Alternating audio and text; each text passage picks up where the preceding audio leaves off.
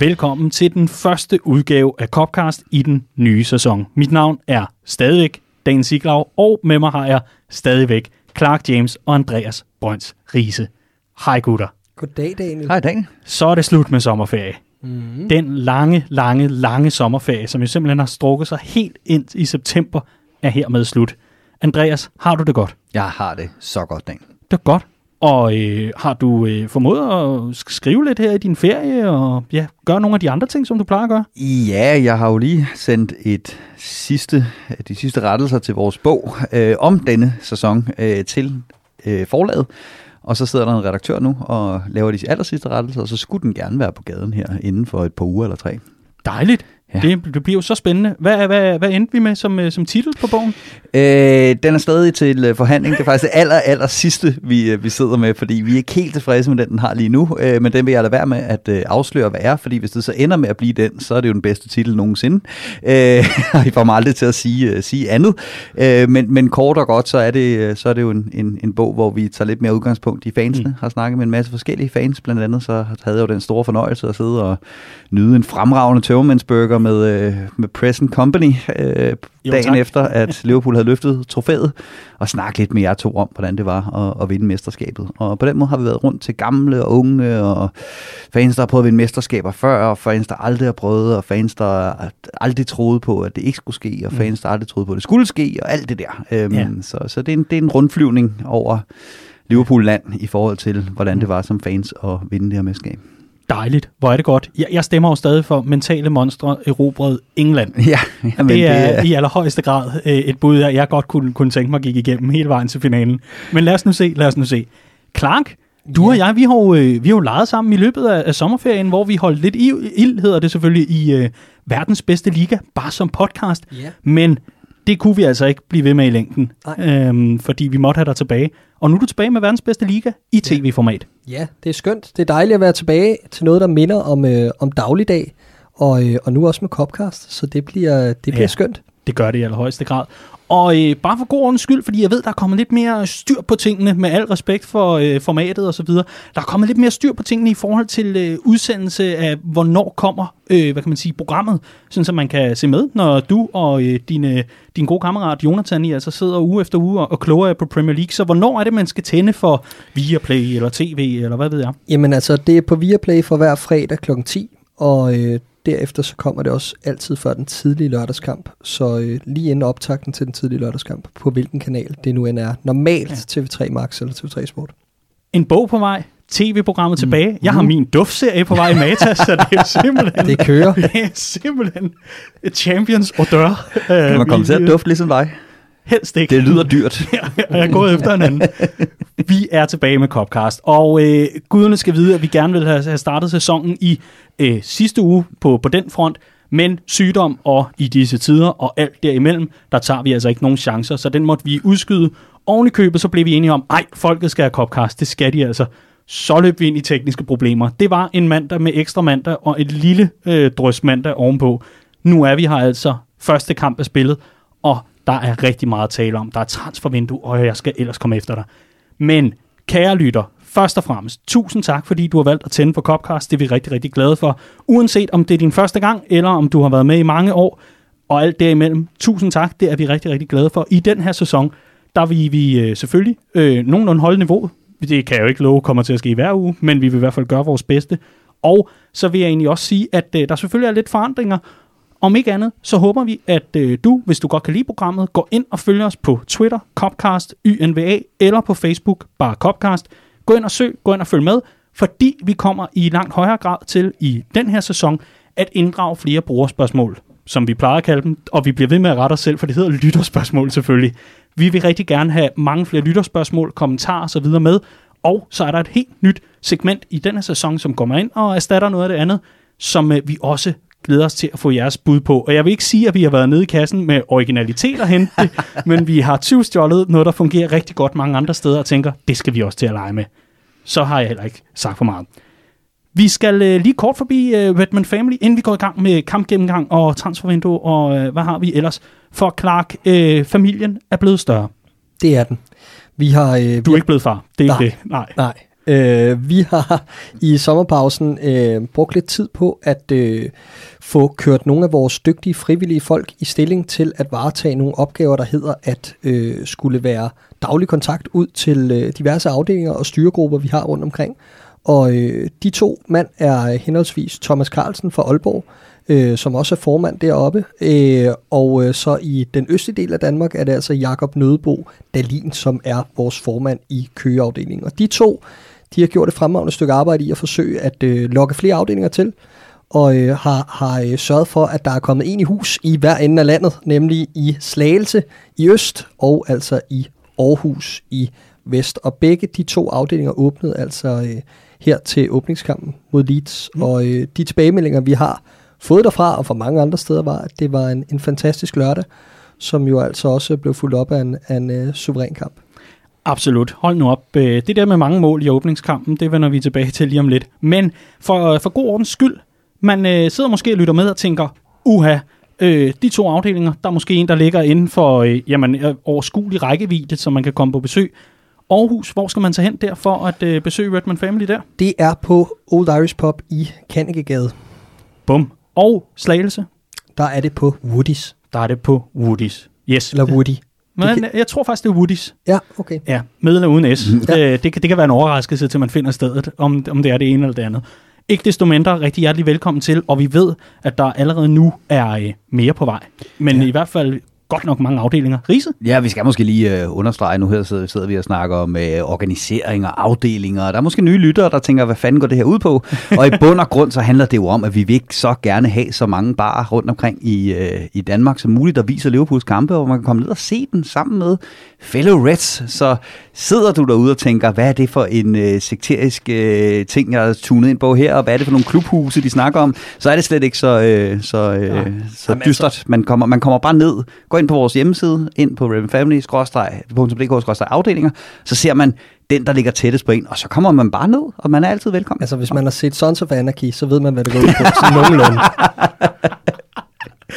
Altså, hvis man kigger på skægvæksten herinde i lokalet, så er der to af os, der kan følge med i hvert fald. jeg, jeg ved ikke, om det er sådan evolutionen, hvor du sådan er mellemtrinet, og jeg bare er babyhuden. Igen, der skal jo være, være glat hud, den der duftserie kan bredes ud på. Ikke desto mindre, rigtig hjertelig velkommen til de nye afdelinger, og til alle de gode gamle øh, afdelinger, der var i forvejen. Fantastisk at se det fremmøde, der har været i forbindelse med Leeds-kampen. Og nu kan vi altså ikke trække den meget længere, for de her, lad os kaste os ud i det, og lad os tale om den første Premier League-kamp i den her sæson for Liverpool, kampen mod Leeds. Normalt plejer omtalen af øh, Bielsa at være, at det er ham, der er El Loco. Men hvis man så på opgøret lørdag, så kunne man godt blive fristet til at sige, at det var det, der var Loco. Hold nu op for en åbningskamp, og så kom vi ellers i gang igen. Der er rigtig mange gode undskyldninger, forklaringer, bortforklaringer, vil nogen måske mene, tjusk og så en brandvarm Ægypter. Vi er i den grad tilbage med Premier League. Først og fremmest, Riese. Hmm. Vi øh, ser det her opgør lørdag, og så tror jeg, at vi er mange, der sidder tilbage med øh, sådan og tænker, godt så, så er vi i gang. Hvad tager du med fra, fra opgøret mod Leeds? at vi vandt, først og fremmest. Øh, og jeg synes egentlig, at øh, det også var en bedre præstation fra Liverpool, end øh, det, resultatet antydede. Leeds var spillet den her kamp helt utrolig modigt, øhm, og er ustyrligt skarpe på de muligheder, øh, de får. De har mere eller mindre kun de tre øh, chancer. Dem klapper de så også ind. Øh, jeg synes egentlig, tegningerne øh, i Liverpools offensiv var der til også at score de øh, flere mål meget tidligere i kampen, og også få lukket det her opgør. Men, øh, men hatten af øh, til Leeds og, og Bielsa for et, et brag af en fodboldkamp, og også for at spille den chance. Altså, de, øh, de, de, de gik frisk til værks øh, og udnyttede de øh, muligheder, det gav, og Liverpool var dårlige til at udnytte de muligheder, det gav den anden vej, for Leeds stod vidt åbne rigtig øh, ofte, og det kunne Liverpool have, have udnyttet til en meget større sejr, men, øh, men altså fra land med, med, med tre point, det er det, jeg tager med. Trækker du lige så mange positiver ud af, af det her opgør? Offensivt, ja. Øh, helt sikkert. Jeg synes, til tider var det noget af det bedste, jeg har set for Liverpool det sidste år. Mm. Altså, jeg synes virkelig, at der var nogle gode momenter. Øh, jeg synes, en, en mand som øh, Roberto Firmino har fået helt urimelig meget kritik for sin præstation, som Han havde nogle, nogle, øh, nogle boldtab, som jeg ikke er vant til at se fra ham i, i opspilsfasen, blandt andet den, hvor han trækker et gult kort. Men ellers var han med virkelig meget godt. Øh, og, øh, og det synes jeg var lidt mærkeligt at se de overskrifter efterfølgende, fordi det, det var slet ikke den følelse, jeg sad med. Jeg synes, det klikkede rigtig godt mellem de tre forreste, især i anden halvleg faktisk. Øh, men jeg vil sige, det mindede mig meget om en kamp, jeg så sidste år ja. mellem Liverpool og Salzburg øh, i Champions League, øh, hvor øh, vi møder et hold, der er exceptionelt godt skolet, øh, som var i vanvittig god fysisk form. Og øh, jeg havde sådan en følelse af, da den her kamp den så 3-2 efter en halv time, der tænkte jeg, ja, men de knækker i anden halvleg. Fordi når vi når timen, så viser vi, hvem det er, der ligesom har energiniveauet. Det gjorde det altså ikke. Øh, jeg synes, Leeds var med hele vejen, og det er jo kun en blanding af rutine og, øh, og, og vindergen, der i sidste ende øh, trækker os til det straffespark til sidst og sørger for, at vi vinder kampen. Mm. Altså det er sjovt, du Henrik, øh, nævner den kamp, fordi jeg tænkte på en helt anden kamp, nemlig ja. åbningskampen sidste år mod Norwich, hvor Liverpool vinder 4-1, men Norwich vader i chancer øh, mod en Liverpool-bagkæde, der står tårnhøjt, og alle mm. folk klør sig i skægget og siger, hvad er meningen med den her kæmpe høje bagkæde, hvis der ikke er pres nok på boldholder? Ja. Øh, og den kunne lige så godt være blevet 4-3, hvis Norwich havde haft den skarphed, Leeds så havde i, øh, i, i den her kamp. Ikke? Øh, så så jeg, jeg, var, jeg var direkte tilbage til åbningskampen øh, sidste sæson, og, og når vi snakker om det her med, øh, problemer, øh, træthedstegn, de her ting fra preseason, folk der er bekymrede. Jeg kan sagtens følge den, og, og selvfølgelig har man brug for noget fornyelse som mesterhold en gang imellem, men, men det her, det var altså bare nøjagtigt samme start på sæsonen, som jeg så for Liverpool sidste år. Der gik det altså okay. Jeg, jeg er heller ikke øh, bekymret øh, at, at altså, oven på denne her kamp, det er ikke, det er ikke der, jeg er. Øh, men jeg synes, at de, de defensive øh, personlige fejl øh, er lidt alarmerende. Ikke? Øh, jeg synes, at det, det mål Leeds forlår, det udlignende mål til 1-1, er en katastrofe af rang mellem, de, mellem øh, Alexander Arnold og Gomes. Altså, øh, jeg synes, at øh, Alison Becker ser virkelig sløj ud. Altså, øh, var ikke i nærheden af at redde en bold på dagen. Øh, og så Van Dijk, der, Jamen. der, der snorks over på den der. Ikke? Så jeg synes, at der var noget, som, som var lidt uvandt i forhold til, at, at der var rigtig mange, der frygtede det på forhånd før den her kamp, at er vi der egentlig, altså er vi der sådan mm. koncentrationsmæssigt, og det synes jeg ikke, vi var i, i de bagerste leder. Og det synes jeg var til forskel fra sidste år, så jeg, jeg, jeg følger den hele vejen i forhold til, øh, at, at der, er, der er et kampforløb. Der jeg siger bare lige hurtigt, at Van Dijk brugte tre måneder af sidste sæson, de første tre måneder, på at rende rundt med offside-armen i vejret og kigge ud på, på øh, linjedommeren, fornærmet over, at offsiden ikke var blevet fløjtet, eller ikke blevet fløjtet noget før. Øh, det mindede utrolig meget om den måde, vi kom for land defensivt sidste år, synes jeg. Mm.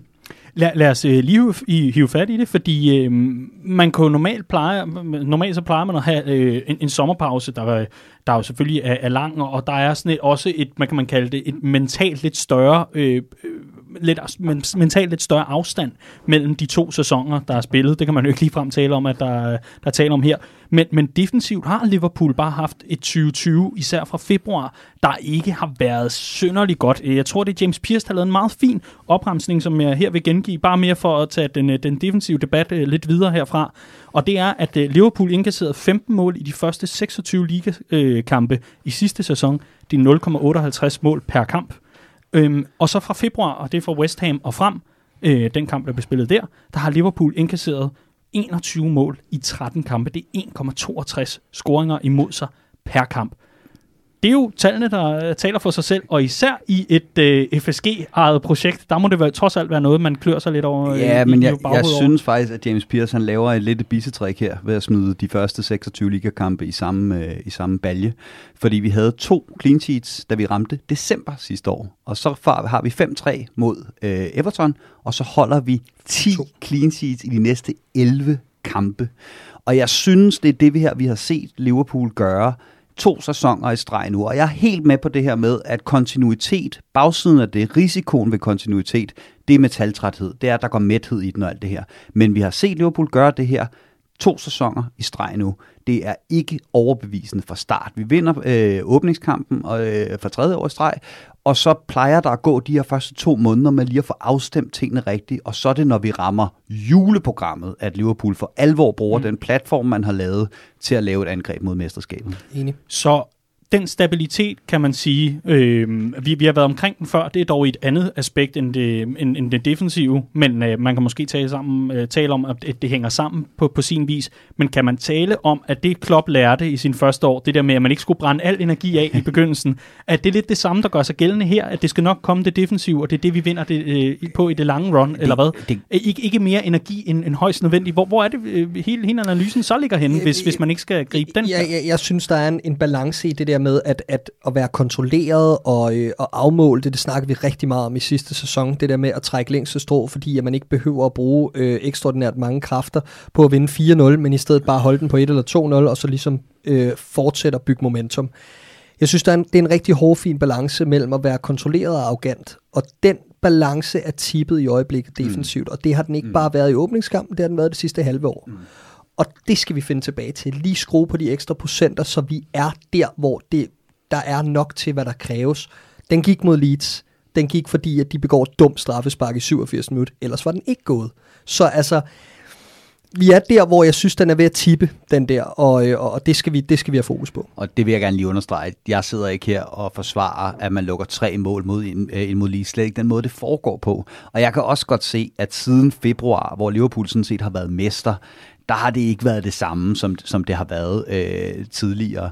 Øh, men men det, vi skulle ikke det første mesterhold, der går på badeferie, når først mesterskabet er sikret. Det var det reelt set i, i februar. Så det spændende bliver at se det her med, at man, øh, om man kan spænde det op igen. Ikke? Og så synes jeg at også, der er en ting, som, som, jeg, som jeg tager med for den her kamp, som jeg også synes er lidt interessant egentlig. Øh, sidste år, der så man den her tårnhøje offside-kæde, og det var en ny måde at spille på. Det var ikke bare en fortsættelse af det, vi så for i år. Der var faktisk noget nyt, Klopp gerne ville med det her hold. Øh, have en ekstra streng at spille på, og det tog lige noget tid i efteråret at justere det. I den her kamp, der så vi, øh, at Liverpool gik over til en trebakkæde, når vi øh, byggede øh, angrebet op. Vi trak Alexander Arnold ned, øh, øh, helt dybt nærmest, og så sagde vi øh, goodbye rut til, øh, til øh, Robertson, der bare fik fri leg op ad venstrekanten. Øh, det har vi ikke set Liverpool gøre før. Det er første gang, jeg har set Liverpool bruge den opskrift, så det tyder også på, at der er noget nyt, Klopp gerne vil med det her hold. Og det vil sige, at, at når vi snakker om det her med fornyelse, og der også skal, skal, skal det til for et mesterhold, der synes jeg egentlig, man ser nogle strenge, øh, nogle, nogle tegn til noget i den her kamp, som Klopp gerne vil øh, i, i den her sæson, går jeg ud fra øh, noget mere, øh, give det her hold øh, nogle flere strenge at spille på. Og det vil sige, så skal der jo, selvom det er de samme spillere, der har spillet de sidste to sæsoner nærmest, så skal der jo også noget afstemning til i forhold til det. Men, men hvad kommer det af, tror du? Altså et er, at der er taktisk, så er der endnu et greb i den oh, så berømte værktøjskasse, som vi taler rigtig meget om uge efter uge. Øhm, er, er det der, den ligger, eller er det måske også en, en måde at spare lidt nogle spillere, sådan, så de ikke skal ligge og tordne op og ned af, af siderne? Hvor, hvor er det, du, du ser det henne fra, fra Klopps side i forhold til at lade Robertson gå med frem? Er det fordi måske også, at Trent og den betydning, han har playmakermæssigt, at den trods alt også er blevet læst af rigtig mange trænere efterhånden. Man kan sige, at der, er der en, der kan det her med at, at øh, deltage i det opsbyggende spil i en trebakkæde på den måde, så er det jo Trent, altså han er jo vores playmaker, så det at trække ham endnu længere tilbage på banen, øh, når vi bygger spillet op, det giver sådan set okay fin mening, ikke? og det var ikke fordi han stod plantet dernede, lige så snart at, at spillet var sat, så kom han jo så også med frem og kunne komme til de, øh, de indlæg, øh, han skulle. Men jeg tror faktisk også, det handler om, sidste år, der sad vi og snakkede om det der med, at øh, vores opspil var utrolig indimensionelt. Det handlede om bakkerne, altid bakkerne, øh, indlæg, øh, overlap. Øh, og så øh, fem kampe ind i sidste sæson så vi det her med, at, at Trent øh, havde fået en rolle, hvor han skulle mere ind centralt og ligge og opbygge spillet. Det her, det tror jeg er endnu en måde for Klopp ligesom at sige, jamen vi skal have, altså netop hvis vi ikke skal blive læst, hvis vi kører videre i samme rille sæson efter sæson efter sæson, så bliver vi læst. Der skal noget nyt på, og det, det, det, det synes jeg, der var tegn til. Mm. Interessant. Det skal vi holde øje med, øh, hvis, hvis det er så nyt. I, igen, det er i hvert fald noget, du har, du har lagt mærke til. Lad os se, om det bliver en tendens, eller om uh, Trent han bare har haft travlt med virkelig at blive på sit værelse på Island, og, og hvad ved jeg ikke, modsat visse andre. Clark, Øhm, nu hvor vi er ved værktøjskassen og Klopp, og hvad han vælger og hvad han ikke vælger, hvad synes du om hans øh, gameplan mod Leeds? Er der noget, du sådan, øh, bemærker i, i løbet af kampen, hvor du tænker, der savner jeg mere af det her, eller mindre af det her? Er, er der noget, du vil fremhæve derfra? Nej, altså jeg synes, at øh, vi bliver offer for, at vores presspil ikke sidder lige, øh, lige i skabet, øh, og det bliver man straffet, øh, øh, det bliver man straffet med over for et, et hold, som, som Bielsa står bag. Øhm, og det så vi et par gange, synes jeg. Øhm, synes, vi var lettere at tro i bagrummet, end jeg har set længe. Øhm, men ellers har jeg ikke rigtig en finger sæt på det. Altså, det var åbningskampen, hvor vi laver fire mål, og jeg synes, vi kommer frem til en hel del. Jeg synes, som jeg også sagde indledningsvis, jeg synes offensivt var der virkelig tegning til noget flere gange med, med vores fronttrio, der, der spillede godt sammen. Øhm, så, så altså umiddelbart ikke, ikke nogen fingre at sætte på gameplanen. Øh, vi skal bare lige have justeret de sidste procenter, så, så er jeg sikker på, at det bliver godt. Vi kommer ind på det senere, men, men det er jo ikke fordi, vi lige har 3-4 lette kampe at lægge ud med, og så kan man stille og roligt, og så kommer West Bromwich og alt det. Nej, nej, altså det, det er Chelsea og Arsenal næste gang, og, øh, og det, bliver, det bliver et wake-up call, hvis ikke vi får skruet de, øh, de øh, ja, fornødne procenter. Mm. Hvad skal der skrues på, Grise? Nu, øh, nu har vi været forbi, at øh, ja, og det virker lidt, og det vi har altid lige skulle vente lidt og sådan noget. Men kan man bare læne sig tilbage og sige, når man det, det skal nok gå igen, eller, eller hvad, hvad tænker du, Klopp han har fokus på til, øh, til næste opgør? Skarphed. Ja. Skarphed først og fremmest. Ikke? Øh, øh, vi, vi har sådan set de, især de opbyggende spillere, og XG er jo en, øh, en, øh, en mærkelig størrelse, ikke? Øh, men, men, men de, XG tæller jo ikke de chancer med, hvor den sidste aflevering inden afslutningen skal falde ikke falder, som den skal. Dem havde vi mange af. Øh, jeg synes, vi havde de kontraløb, der skulle til. Vi, havde, øh, vi var inde og spille de områder, hvor vi skulle mod Leeds. Øh, så, så det er bare lige den, altså vil Klopp nok sige, den sidste skarphed der.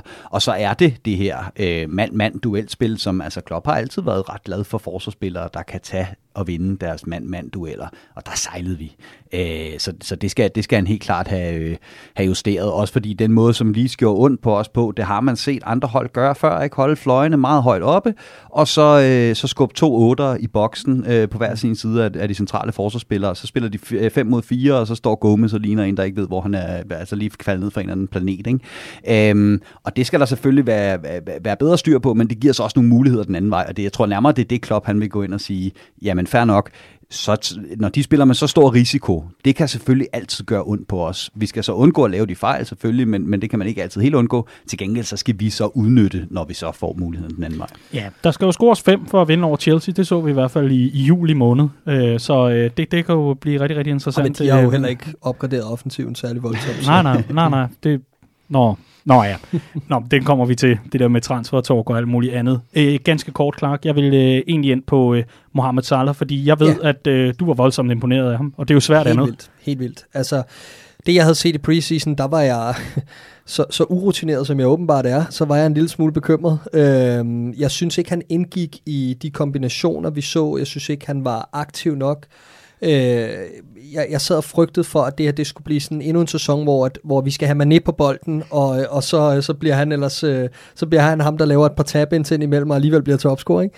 Og så laver han den der præstation. Altså, det er det bedste, jeg har set for ham i 2020. Ja. Øhm, han var knivskarp i alle sekvenser af spillet. Øhm, han var god på bolden. Det er længe siden, jeg har set Mohamed Salah være god på bolden, og han var meget involveret.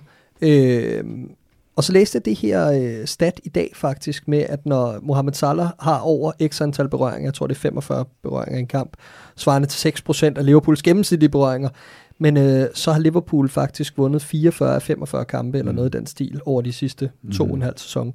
Øh, så et eller andet sted er nøglen også bare at få ham på ja. bolden. Og det vi har set mange af i preseason er, at han i det første kvarter 20 minutter ikke rører bolden. Øh, så det må også være en lektie et eller andet sted at få ham på bolden, ikke? fordi det, det virker tydeligvis. Men altså, jeg, jeg skrev et, et øh, indlæg omkring preseason inde på RevenFamily.dk, hvor jeg blandt andet gjorde opmærksom på det her med, at det her det er så uvandt en situation for os som Liverpool-fans at stå i, fordi det vi skal vinde på i den her sæson, det er rutine, og vi har nu de her exceptionelt rutinerede 28-årige topspillere. De præsterer aldrig i preseason. De skal, ikke, de skal ikke risikere noget. Hvorfor skulle de det? Så det er klart, at, at når man så ser sådan en som Mohamed Salah bade sig igennem preseason, så begynder, øh, så begynder de nervøse trækninger at, at komme ved øjnene, ikke? Og, øh, og så ser du en Ryan Brewster, der har alt at vinde ved bare at gå ind og tyre dig ud af i preseason, og han scorer en masse mål, og hvorfor skal han nu sælges, og så videre det er det her, som, som, som vi skal vinde på i den her sæson. Det er topholdsrutine. Og der er det bare sindssygt vigtigt, at sådan en mand som, øh, som Mohamed Salah, han lige viser, at jamen, han er der. Han er mentalt klar til, øh, til den her sæson. Øh, og, og som jeg også øh, prøvede at, at, at, at formulere det indlæg, at det næste skridt, hvis man skal motivere sådan en mesterhold, hvilket vi så ikke kommer til at gøre med signings, ser det ud til, det handler jo også om individuel heder, ikke? Altså det handler også om at kigge på en Mohamed Salah og sige, du blev topscorer, to ud af de sidste tre sæsoner. Det er sgu da ikke godt nok, at en eller anden 33-årig englænder, der bliver managed af Brendan Rodgers, blev topscorer sidste år, kom i gang. Øh, Virgil van Dijk, var det virkelig det? Altså, så taber du en afstemning til Messi i Ballon d'Or, og så, så var det det, eller hvad? Hvis du skal op og være øh, nævnes i samme bracket som Rio Ferdinand og Vincent Kompany, så er et mesterskab ikke nok. Så skal du, så skal du fortsætte her, ikke? Og det er det, jeg synes, der er fedt ved at se. Det her, det lignede Mohamed Salah, der var klar til at brænde Premier League af i den her sæson. Det er så, lækkert, for det bliver Altså, det er simpelthen... Øh, Jürgen Klopp skal sige, øh, hold nu op, sikke en dag på kontoret. Øh, fantastisk med sejren. Skide godt. Øh, gutter, jeg, jeg vil sådan set ikke sige så meget andet end øh, den her sæson, der venter. Lad os øh, lige få lidt mere styr på defensiv, øh, offensiv. Vi fortsætter. Tænk nu på jeres personlige Wikipedia-sider. Tak for i dag. er, er det det, vi er ude i simpelthen? Fuldstændig. Det er en fed afslutning mm. på en analyse herfra. Men det er helt perfekt, at du taler om rutine, fordi det er faktisk det næste, vi rykker hen til, når vi skal tale om, hvorvidt Liverpool skal bytte rutine ud for rutine. Det skal ikke være nogen hemmelighed, at øh, Thiago Alcantara måske, måske ikke er linket en lille smule til Liverpool FC. Og hvis man ikke vidste det på forhånd, inden man satte sig ned og hørte Copcast, Copcast selvfølgelig, jamen øh, så er det altså fordi, man ikke har fulgt med, eller boet under en sten, eller er gået i permanent corona-isolation i et eller andet ødegård over i Sverige.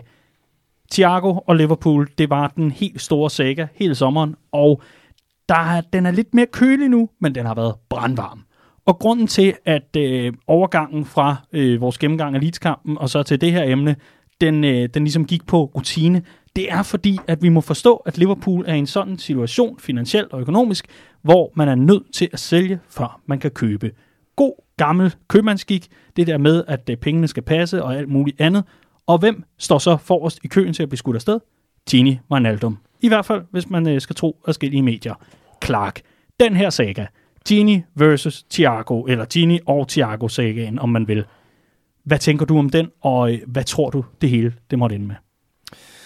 Jamen, øh, det rykker sig jo lidt fra, fra dag til dag, kan man sige, men på den måde, at øh, det gør min holdning til det også. Øh, jeg synes, at det er to glimrende spillere, som øh, vel nok kan spille sig på hvilket som helst hold i, øh, i Europa.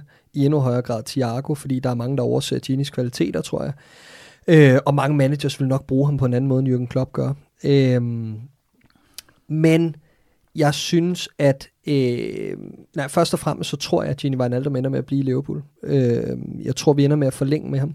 Øh, det lader til, at fokus er skiftet lidt i forhold til, at man måske tænkte, at der var en, en realistisk chance for, at Gini Wijnaldum skulle ned og være en del af det her Barcelona-hold, og gerne ville søge væk aktivt, til at man måske nu står og, øh, og kigger på nogle andre midtbanespillere, man har i truppen, og tænker, er der ikke nogen, vi egentlig heller vil undvære? Øh, Øh, jeg tænker på en mand som Alex Oxlade-Chamberlain, som er gået fuldkommen øh, i glemmebogen hos mange.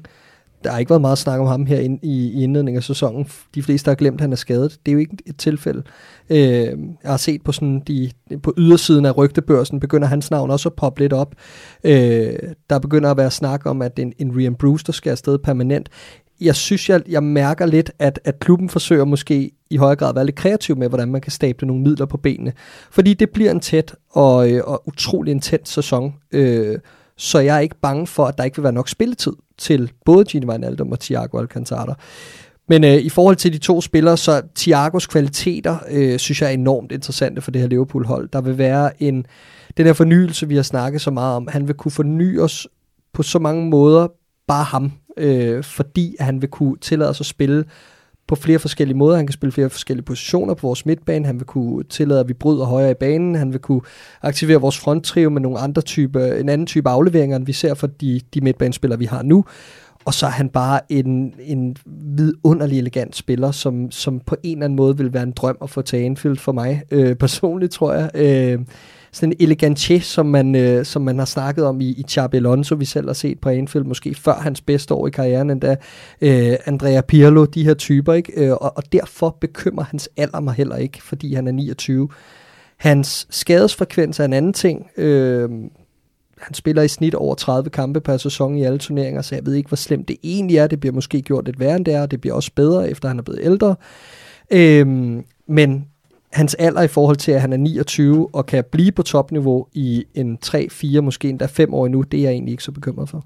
Udmærket. Så her er der altså tale om øh, lidt af en luksusspiller.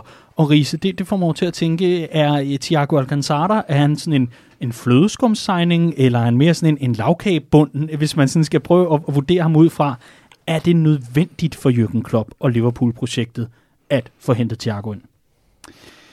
Øhm, det synes jeg er utroligt svært at vurdere udefra, øh, fordi det handler netop om det her med fornyelse, øh, om at hele tiden holde projektet frisk, så det ikke går i stå. Øh, Thiago er sådan en signing, en af få signings, der er tilgængelig til en pris, hvor Liverpool kan være med den her sommer, der rent faktisk vil kunne gå ind i startelveren, der vil kunne gøre sig gældende i startelveren og lægge noget til det her øh, Liverpool-spil. Øh, den korte version er jo, at, at, at lige nu, der, er, øh, der springer vi midtbanen over, ikke? altså en måde, som nærmest er uhørt i, øh, i moderne fodbold. Boldene bliver spillet for vores forsvarskæde, op, i angriberne, op på angriberne, og vores midtbane skal egentlig, øh, egentlig være sådan en presmaskine, der lukker huller. Øh, Thiago er jo ikke sådan en, der lægger 20 assist på en sæson, han scorer aldrig, men han vil kunne lægge de her flødebolde øh, fra midtbanen og frem til fronttrioen, få de her hockey assist, som det også er vores backs, der står øh, for lige nu. Så han vil give os en helt anden streng at spille på, og han vil kunne bringe noget kvalitativt til startelveren. Det der så er, øh, hvis vi skal tage hul på den diskussion, det er, at Thiago vil være ren udgift, forstået på den måde, at der er ikke nogen videresalgsværdi i ham. På trods af, at det ikke er meget, synes jeg, øh, 30 millioner pund, eller hvad det nu er, der er snak om for en spiller af den kaliber. Der er ikke nogen øh, videresalgsudgift i ham. Han er løntung. Han vil muligvis kunne gå ind og rykke lidt ved øh, lønniveauet i Liverpool, når der skal genforhandles kontrakter med de andre, vil de pege på hans løn også. Øh, og det vil sige, at man skal jo et eller andet sted tro på, at han rykker Liverpool et sted, hvor Liverpool ikke ville være kommet hen, hvis ikke han kom. Så han tjener sig selv hjem på den måde.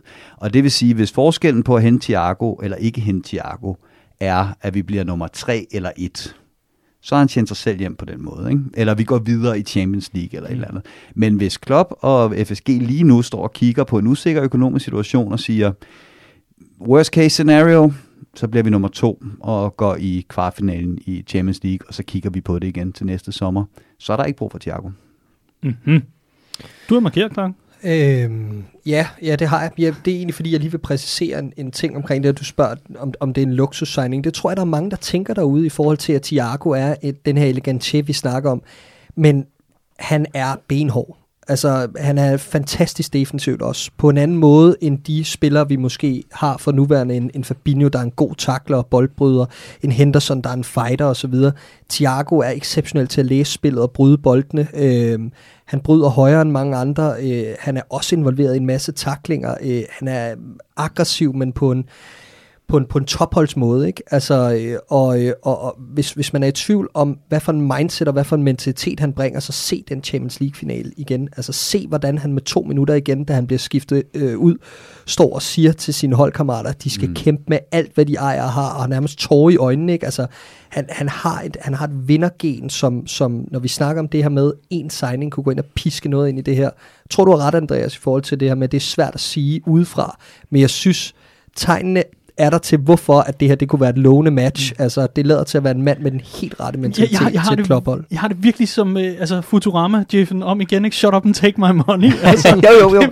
Men jeg tror, jeg tror, når folk snakker luksussigning, klar, så tror jeg, tror jeg ikke, altså, fordi jeg tror ikke, der er nogen, der er i tvivl om, at man får lov til at rende rundt og lave ingenting på en fodboldbane, når Thomas Müller er en holdkammerat. Altså, så, så bliver man spist efter første træning, ikke? Altså, øh, så, så jeg, jeg er helt med på, at han er en taktisk dygtig, og han, han havde næstflest taklinger, så vidt jeg husker, mm. i Champions League-finalen. Han, han er meget bedre øh, øh, holdspiller, end, end han bliver gjort til, fordi han netop er så, så teknisk elegant, som, som han er.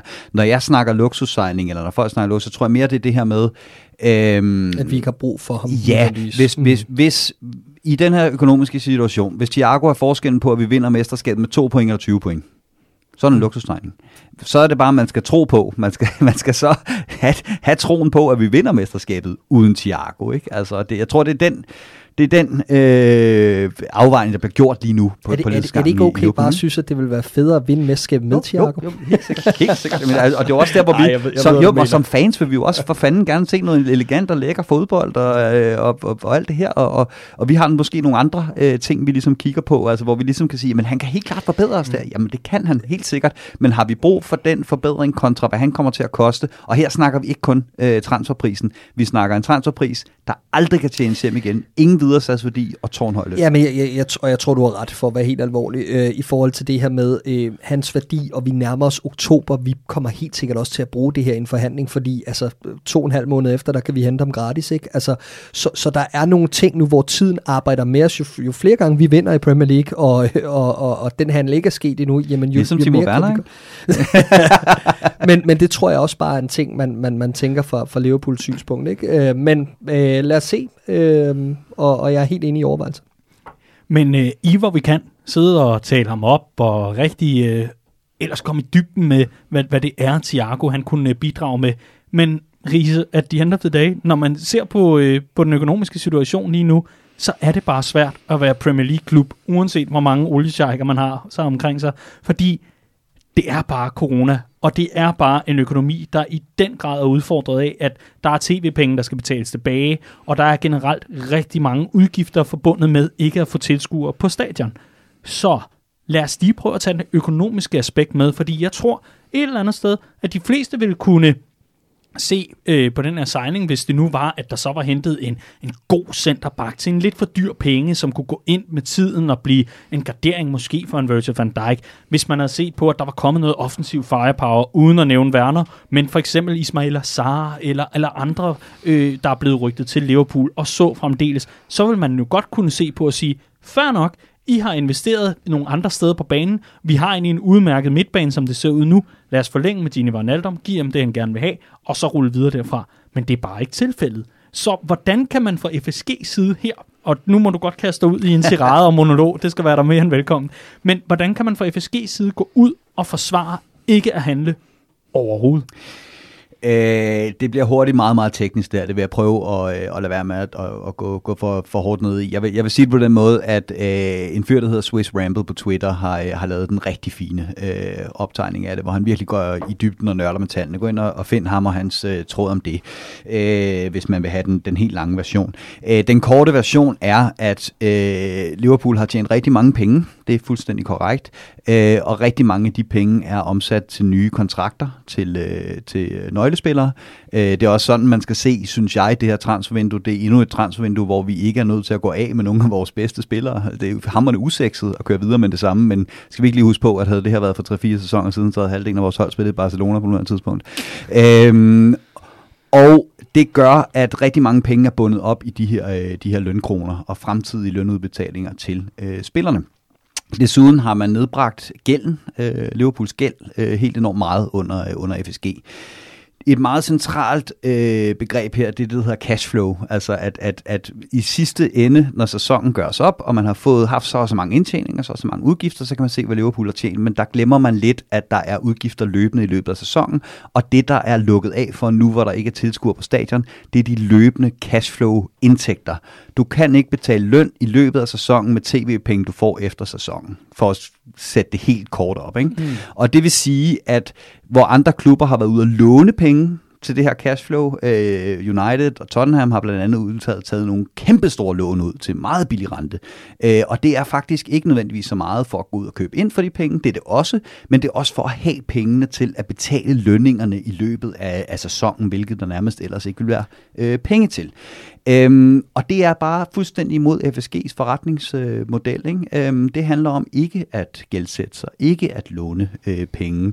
Man lånte klubben penge til at lave, lave den her øh, tribune, og det er jo fordi, den tjener sig hjem i, øh, i længden. Ikke? Øhm, det, det er en stensikker investering.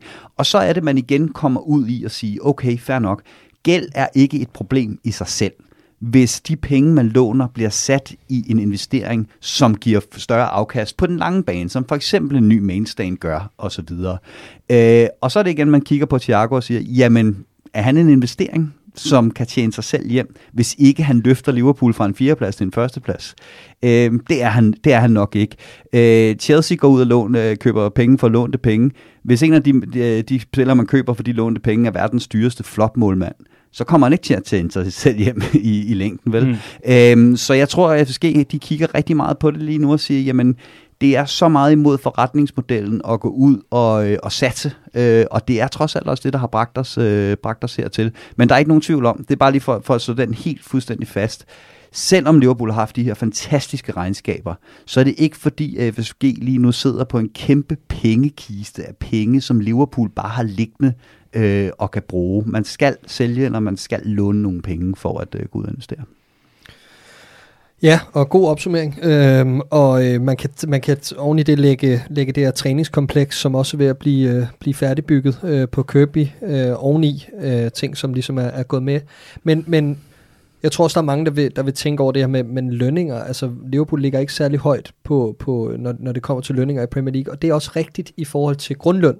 Men Liverpools øh, eller FSG's strategi er også, at øh, man er bundet enormt meget op på bonusordninger. Så jo bedre klubben og spillerne individuelt klarer det, så er der bare sindssygt høje bonusser øh, med oveni. Og i og med, at det går så godt i øjeblikket, som det gør, så, øh, så kan det også blive farligt mm. i forhold til, til, til hele lønbudgettet. Og så kommer det øh, uundgåelige spørgsmål her, Riese, fordi fair nok, nu sidder jeg tilbage som øh, fan. Jeg har del med ikke fået øh, stillet min øh, transfertrang de sidste mange vinduer. Øh, det har virkelig været træt og kedeligt på, på den front. Og jeg bliver bombarderet med overskrifter og transferrygter herfra. Og jeg får øh, læst så og så mange tweets og analyser og alt muligt andet fra pålidelige journalister, vi må, må vi forstå, tæt på klubben. Og det bliver til nul og en fis.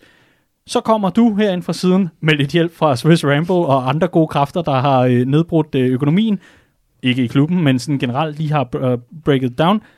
Og siger til mig, at Liverpool ikke har nogen penge, så der skal sælges, før vi køber. Og så spørger jeg så bare dig. Fordi jeg kigger rundt på øh, de konkurrenter til de fire pladser, der nu engang er i Champions League. Så, så tænker jeg, men de andre kan godt. Så hvordan stiller Liverpool sig i en position, hvor de også kan? Ja, det er ganske rigtigt ved at sælge. Men hvorfor træder FSG ikke til her og ja. siger, værsgo, så er der lidt at snolde for, trods alt. Ja, jamen det, så, så skal man låne penge. Øh, enten internt ved ejerne skyder nogle penge i klubben, eller man går ud og optager nogle, øh, nogle, nogle banklån til en, til en god rente. Ikke?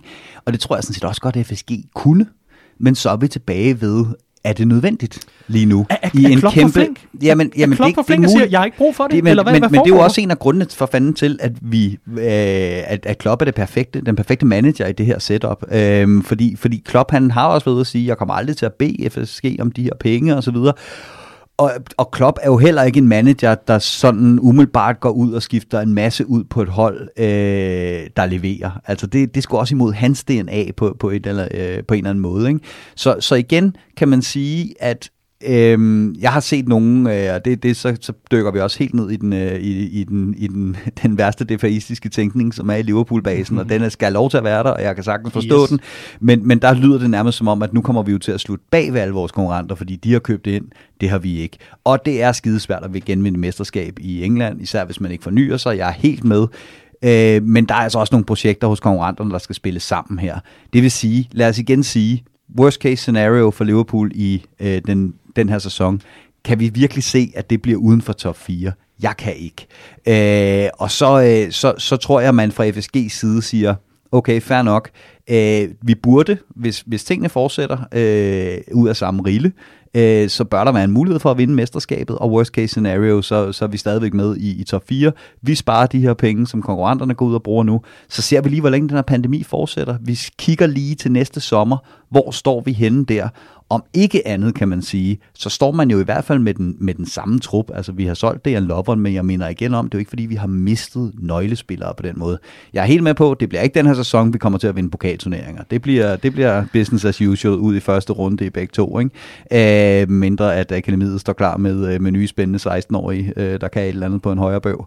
Øh, men, men, men det tror jeg, man tager med, og så siger man, okay, fair nok, vi bør være in the running for de ting, vi gerne vil vinde, og, øh, og worst case scenario, så kan vi bygge videre på det her projekt til næste sommer. Ja, men øh, det er muligvis også, øh, og jeg er igen enig i overvejelserne, og det giver rigtig fin mening, men, men der er bare det i det, at, at står vi der næste sommer og er blevet nummer 3 eller 4 for eksempel, som vil være skuffende i mine øjne, øh, super skuffende endda, øh, og står med en gruppe af spillere, som du siger, vi har holdt intakt, men som lige er blevet et år ældre. Mm. Altså vi, vi er også der, hvor at, at de her spillere, øh, nærmer sig en alder nu, hvor der skal nogen ind bag køen, der skal stille og roligt begynde en, en, en, en indfasning af nogle nye øh, mm. spillere i den rigtige alder. Ikke? Altså denne her 21-24 års alder, som vi købte ind til, da vi begyndte at skulle toppe. Ikke? Øh, så, så, så det er også en farlig leg, men okay, ja. sådan er det også i fodboldverdenen. Jeg, jeg understreger lige på det groveste her,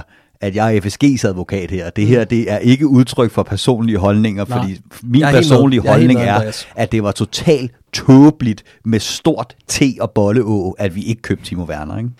Okay, ja, ja, ja, men det... Erindrer jeg det? Det ved jeg ikke, det er så lang tid siden. Jeg, jeg har affundet mig med, at, at vi jo ikke længere køber nogen. Men omvendt, Clark.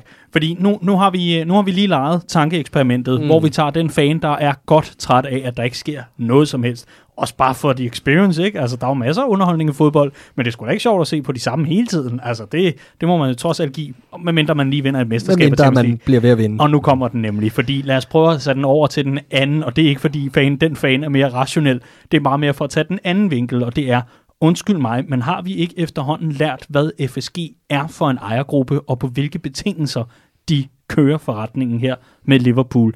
Man kigger på det, man, man har set på det, man kan se øh, nok så meget, og vi har lige pludselig lært sådan nogle spændende udtryk som netspændt og alt muligt andet for at forstå, hvor genialt det er, at øh, det er dem, der ejer og så fremdeles. Er der ikke også bare en masse Liverpool-fans her nu, som måske bare må acceptere, jamen det er krisetid, og vi får lige præcis den forstærkning, som Klopp han øh, måtte, måtte synes øh, giver rigtig god mening. Indtil da, der må man bare acceptere det, simpelthen bare æde den. Jo, og det er jo også nemmere at acceptere nu i forhold til, at holdet vinder. Altså, vi er forsvarende engelske mestre og verdensmestre, og Champions League blev vundet for hvad, 15-16 måneder siden. Så selvfølgelig, jeg tror, at det, som måske er lidt svært at, at tage ind, det er det her med at kombinere det med pandemitider, fordi vi var så tæt på Timo Werner, og folk havde set frem til, at vi var ved at hente ham, og det var vi også. Og så kom coronakrisen, og så valgte vi at lade være. Øh, og tilbage til hele den her øh, øh opsummering, Andreas har haft, øh, eller lavet før, så, så altså, det havde jo ikke været umuligt for Liverpool at hente Timo Werner, forstå mig ret. Øh, Liverpool øh, vader ikke i penge på grund af det her cashflow-issue, som Andreas er inde på. Men det er jo en kalkuleret øh, afvejning af, okay, men skal man vente lidt osv. Jeg tror, man spiller the waiting game, og altså, jeg tror også, at vi skal, vi skal tage denne her, når transfervinduet er lukket i starten af oktober, for jeg tror, det kan gå sindssygt stærkt mm. til sidst. Jeg tror, det er en blanding af, at Liverpool selvfølgelig passer på pengene og sådan men det er lige så meget PR. Det er lige så meget for at få de bedst mulige priser til de targets, der nu engang er. Øh, jeg tror, der var en helt reel overvejelse i, øh, da man valgte at sige nej til Timo Werner, at vi aner ikke, hvad fremtiden bringer, så derfor kan vi ikke tillade os at gøre det her nu. Mm. Øh, kort tid efter, der har været den her sag omkring, øh, man havde sendt øh, folk på, øh, på, på øh, hvad hedder det? Overlov, ja, lige præcis. Øhm, det, jeg tror, det, at man var rigtig forsigtig i, i mange hensener på det her tidspunkt. Øhm, og der tror jeg simpelthen, at man, man står i en situation i starten af oktober, hvor man har for det første et bedre overblik, end man måske giver udtryk for udadtil, og, øh, og ligeledes har nogle ting i, bag, i baghånden, som man, øh, som man vil prøve at få til at ske. Det synes jeg, der er rigtig meget, der peger retning af. Men fordi nu har vi fået yderpolerne, og skal prøve at finde en midte, og den synes jeg egentlig også, I advokerer meget fint for her, her, her imellem. Men, men, men, men Riese, et eller andet sted, det at være fodboldfan, øh, og især i moderne tider, det går sindssygt stærkt, og de sociale medier hjælper heller ikke på det. Og man kan hurtigt få en eller anden øh, idé om, at alt er ved at ramle, nærmest ved at læse bare tre scrolls ned af en tidslinje, om det er Twitter eller Instagram, eller hvad har, har vi, det er underordnet. Hvis vi, hvis vi ser på det her lige nu, isoleret set, er det måske så kalkuleret, fordi et er økonomi, noget andet er det sportslige, og hvad kan tjene sig hjem. Er det også måske en ejergruppe og en klub her, der er ved at måske tage en lidt for stor chance i forhold til, hvor stor opbakning der er, fordi de bliver jo ved med fra Klopps side og så videre, vi er ikke bedre end den næste kamp, vi har spillet. Det er hele tiden meget fremad, og, og, øh, men, men omvendt heller ikke for langt fremad. Vi fokuserer kun på den næste kamp og den næste kamp. Man laver en korttidsudkommelse, men øh, i forhold til det, til det sportslige. Men omvendt, så, så bryster man sig jo gerne af, se hvor meget vi har vundet, se hvor godt det går, og så videre, og så videre generelt set. Tror du, at FSG og Klopp, og måske lidt den sportslige sektor, er ved at, hvad kan man sige, måske tippe balancen i en forkert retning i forhold til den opbakning, altså, der så ligger i fangruppen? Fordi der er jo også bare mange, der nu er blevet forventet med, at Liverpool er a winning team igen. Ja, jo, jeg, jeg kan sagtens følge den. Øh, det er så heldigvis også sådan, at, at det er ikke mange vundne kampe, man skal banke sammen i streg, så kan Liverpool-fans nærmest ikke huske, at vi nogensinde har tabt en kamp øh, sidst, og så bliver vi også, øh, vinder vi det, det hele igen. Lidt groft sat op, ikke? Jeg tror, jeg har sagt, at Liverpool-fans er det folkefærd i verden, der er bedst til at tro, at enhver tilstand er permanent. Øhm, så så det, jeg, jeg tror, man er meget opmærksom på, at det skal også bakkes op af nogle, øh, nogle resultater, det her. Øhm, og det, det, det kan man jo så håbe, at, at det bliver. Og så vil jeg igen lige, lige understrege, at jeg synes også, det er en kæmpe, det er en kæmpe sats at tage det her. Ikke? Altså hvis man kigger på historikken i engelsk fodbold, det er så skidesvært at genvinde et mesterskab. Ikke? Øhm, og de to, der har, der har excelleret i det, øh, øh, det, er jo, det er jo lige før, man skal spytte over skuldrene ved at nævne deres navne, øh, men, men Alex Ferguson og, og Mourinho, de gjorde det her gang på gang på gang. Når, når de, deres hold havde vundet mesterskabet, så gik de ud og forstærkede truppen. Også ud fra en tankegang om, at det er fra toppen, at der vil alle folk gerne hen, så at forstærke sig fra en styrkeposition, det er altid en rigtig, rigtig god idé. Så jeg forstår bekymringen, og jeg har den også selv i baghovedet. Det skal der ikke være nogen som helst, øh, som helst øh, tvivl om. Øh, jeg skal ikke sidde her og være, være lalleglad og hænge, hænges op på et kors, hvis øh, mm. der går metaltræthed i den om en måned. Vel? Ja. Øhm, så, så, så jeg kan sagtens forstå bekymringen, men på den anden side, så har jeg det også bare den der, øhm, det her har Klopp vist før at han har kunnet. Altså han kan tage den her gruppe spillere og hele tiden finde nye strenge at spille på, hele tiden forbedre det. Øhm, og det har man så selvfølgelig en forhåbning om, at han kan gøre igen. Og er vi seks kampe ind i den her sæson, og Liverpool har vundet dem alle seks, så tror jeg også, at øh, kritikken forstår mig. Og vinduet er ikke lukket nu. Og Monik, vi står den 6. oktober, mm. har fået en-to nye navne ind, som lige præcis er det samme, yes. Alex Ferguson og alle de andre gjorde i gamle dage. Perfekt. Hold kæft, hvor er I gode til at holde jer til, til det, vi skal tale om, fordi det sidste bliver så selvfølgelig herfra, det er lige at få jeres øh, lyndom nu og her, sådan så vi lige kan forstå den, og så kan vi altid lukke vinduet på et eller andet tidspunkt, når du, det nu engang er. Jeg, Hvilke, ja. jeg tror, vi tager Ismail Azar i Watford. Øh, det er en klassisk Liverpool-signing, og jeg tror, vi driver prisen en lille smule ned, og så, øh, så bliver det en, en rigtig, rigtig spændende handel for, for Liverpool, og en mand, der kan spille på begge sider af angrebet, har den fornødne hurtighed, som ingen af vores øh, bredde spillere har på nuværende tidspunkt. Super vigtig i forhold til at kunne aflaste øh, Salah og Mane. Øh, han har et potentiale, et loft, der er sindssygt højt. Øh, han kørte os midt over, både på Anfield, det er der ikke mange, der husker, men også i, øh, eller på Vicarage Road i den, i, i den anden kamp øh, mod Watford sidste år. Øh, det tror jeg kunne være en rigtig interessant signing, og vi er angiveligt den eneste topklub, der er, der er efter ham. Øh, og så tror jeg, det afhænger af, der er et waiting game, der kører her med Thiago. Ellers så mm. tror jeg, altså hvis ikke vi kan få den rigtige pris, hvis vi ikke kan få de rigtige spillere solgt, øh, så vi kan få penge ind, så tror jeg egentlig, man har det fint nok med at, med, med at vente en, en postgang og eventuelt tage ham i januar. Jamen, jeg, jeg er rørende enig. Øh, det er også præcis de to, og, og ud fra nøjagtig samme tankegang. Øh, og så tror jeg, at vi kommer til at kigge langt efter den der, øh, den der forsvarsspiller. Ja, det tror jeg, jeg helt seriøst, jeg at, øh, at planen er, vi så Fabinho være nede og spille central øh, forsvarsspiller i øh, anden halvleg i øh, Charity Shield. Det tror jeg er, øh, er firevalget. Øh, og går det helt galt, øh, når vi når til... Øh, til øh, FA Cup-kampene, jamen så er det, uh, så er det Matip og, og Comesio eller Vandenberg. Nå, men, og igen, vi, vi har et transfervindue lige om lidt, der åbner i januar, og det tror jeg, man tænker over fra, fra Club og Company, at, at så kan man revurdere tingene der. Mm. Uh, jeg tror, hvis den helt oplagte kandidat var tilgængelig for mellem 5 og 10 millioner pund, fordi der var et eller andet uh, coronashow i en eller anden klub, jamen så havde man også taget ham. Men, men, men det er han ikke, og derfor så, øh, så har man det fint med at bruge uh, Fabinho som fjerdevalg, og jeg synes også, det er den sidste prioritet af dem, vi sidder og snakker Og så er jo en, en, en sidste ting, hvor jeg lagde mærke til en ting omkring Brewster, øh, hvor der nu er... er øh, kan han spille centerback? der, går, der går rygter om, at man, man, man overvejer at sælge ham med tilbagekøbsklausul. Og der, der, der kom jeg til at tænke på, det handler jo netop om det her med, at man skal sælge for at købe. Øh, det, det bakker op om det, som Clark siger her. Vi laver The Waiting Game, vi prøver på at rejse nogle midler nu til at gå ud og hente. Øh, fordi det giver ikke nogen mening at sælge Brewster. Det gør det ikke. Men det gør det ud fra den tankegang, at han skal, hvis man ikke føler, at han kan få kampe nok ved at blive, og man ikke vil stoppe hans udvikling, så er jeg ikke i tvivl om, at man gerne vil have lejet ham ud til en Premier League-klub i næste, øh, den her sæson. Der er masser om budet, angiveligt men det får man ikke nogen penge ind. Det hjælper ikke på det her cashflow-problem. Mm. Så ideen om at sælge ham med en tilbagekøbsklausul, så får man de penge, man kan gå ud og bruge på en, en SAR øh, til, til, til den frontkæde, og så kan man jo hente ham tilbage næste sommer, hvis, øh, hvis tingene øh, ser lyst ud igen. Så simpelthen sælge for at købe. Det minder mig simpelthen så meget om, når, når jeg vågnede efter en privatfest i, i, i gymnasietiden. Og skulle noget og vi. Ja, pante. og endevende møblerne for 10 og 20 kroner og sådan noget, sådan, så der var til pizzaer. fordi vi var i nul, selvom at det lige havde været den første. Det er også sådan, de bedste historier er skabt. Ja, ja, det bliver så fedt. Hold kæft, Liverpool, din krejler. Nå, Altså, jeg, jeg læste sammen med en nordmand, der var meget begejstret for, at i Danmark, der købte man jo ikke en kasse øl, man købte 37 bajer, for når man havde drukket sine 30 bajer, kunne man gå ned og bytte den til en sixpack, og når man havde drukket den, kunne man gå ned og bytte den til en øl mere. jeg prøvede fibri til at forklare, om det ikke var sådan, det hang sammen, men det, ja. Det, Hold det kæft, det er Pippi Langstrøm. Det er det ikke. Emil for Lønneberg-økonomi. Ikke desto mindre. Nå, øh, hvad så, klar? Kan du byde ind med noget? Nej. Du er stadig tømmermænd, kan jeg se. Nej, nej, Men det var også en god lørdag, det var det altså. Ja. De her, det har været øh, frygtelig interessant at høre jeres bud på transfervinduet. Lad os øh, aftale, at vi tager det op igen, hvis der er noget, der, der rører på sig, og indtil da, så taler vi øh, bare frygtelig meget fodbold. Øh, og så skal det altså blive frygtelig spændende at se, om, øh, om der er transfers på vej eller ej, og øh, om FSG kan få lov til at fedte den hjem uden at smide noget i kassen. Interessant skal det blive. Nu skal vi til optag mod Chelsea og et helt nyt segment.